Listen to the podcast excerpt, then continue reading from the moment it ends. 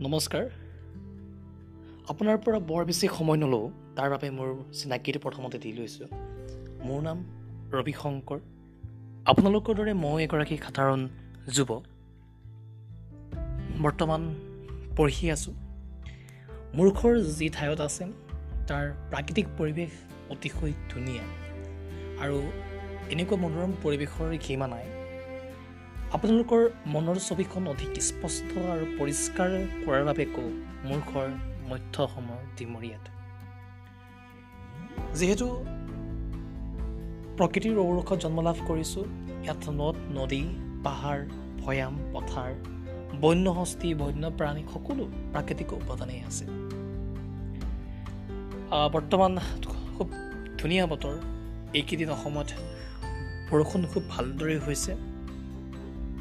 আচলতে বৰষুণ বুলি ক'লে মনত এটা ৰোমান্টিক অনুভৱ এটা মনলৈকে আহে। খুবেই এক আমেজপূৰ্ণ পৰিৱেশ। ই বিশেষকৈ নিশাৰ পৰিৱেশত বৰষুণ অপূৰ্ব। বৰষুণ অপূৰ্ব যাৰ দিন আহিছে লাহে লাহে।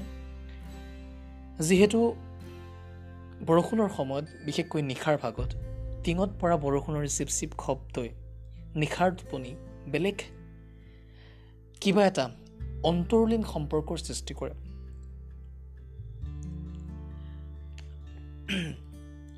তাৰপিছত এতিয়া কথাটো হ'ল এটা সম বিষয় বন্যহস্তি আৰু মানুহ ইয়াত ইয়াতেই ডাঙৰ এটা ব্যতিক্ৰম আছে। প্ৰথম ব্যতিক্ৰম তাৰপিছত এটা কিন্তু। প্ৰথমতে ব্যতিক্ৰম তাৰপিছত এটা কিন্তু।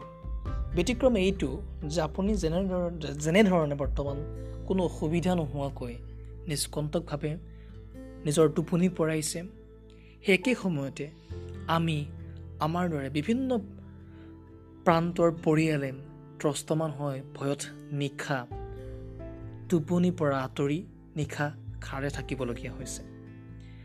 ইয়াৰ পিছত আহিল কিন্তু। কিন্তু এইকাৰণেই কিয়নো অসমৰ বেছি শতাংশ এনেবোৰ পাহাৰ ভৈয়ামেৰে আগু আগুৰা। গতিকে পাহাৰ ভৈয়ামৰ কাষতে আমাৰ ঘৰ আমাৰ গাঁও আমাৰ পৰিয়াল আমাৰ দৈনন্দিন জীৱন। কিন্তু সময় বাগৰাৰ লগে লগে বিভিন্ন মানৱ সৃষ্ট কাৰণত এই হস্তি আৰু মানৱৰ সমস্যা সংঘাত ক্ৰমাৎ তীব্ৰতৰ হৈছে। আজিও শুনিলোঁ আজি ওচৰৰে গাঁও এখনত হাতী আহি ঘৰ ভাঙিছে। পথাৰৰ ধান লাহে লাহে সেউজীয়া হৈ পকিব আৰম্ভ কৰিছিলেই কিন্তু হাতীৰ চকু খোজ পথাৰত প্ৰৱেশ কৰিলে ইতিমধ্যে। দুমাহো হোৱা নাই গাঁৱৰে মানুহ এজনক পুৱাৰ ভাগত হাতী আহি পথাৰ পথাৰত আক্ৰমণ কৰি মাৰি পেলালে। হাতীৰ আক্ৰমণত আক্ৰমণত মানুহৰ মৃত্যু নতুন স্বাভাৱিক হৈ পৰিছে। নিঃসন্দেহে হস্তি মানুহৰ সকলো দুখ হস্তি মানুহৰ সকলো এই সমাজ এই সংঘাত কেৱল এটা অমাত প্ৰাণীক সকলো দুখ জাপি দিয়ে মূল সমস্যাৰ উৎসৰ পৰা পলাব খোজা নাই।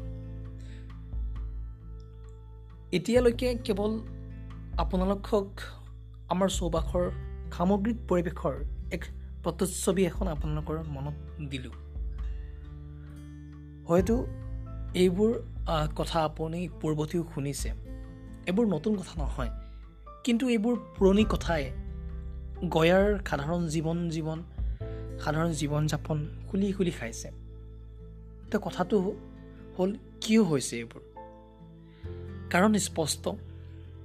পথাৰত কাষত থকা সেই পাহাৰবোৰত শিলৰ কুৱেৰি হৈছে। মাটিৰ অবৈধ বা বৈধ যিয়ে নহওক শয়নন কাৰ্য চলিছে। বন ধ্বংস হৈছে।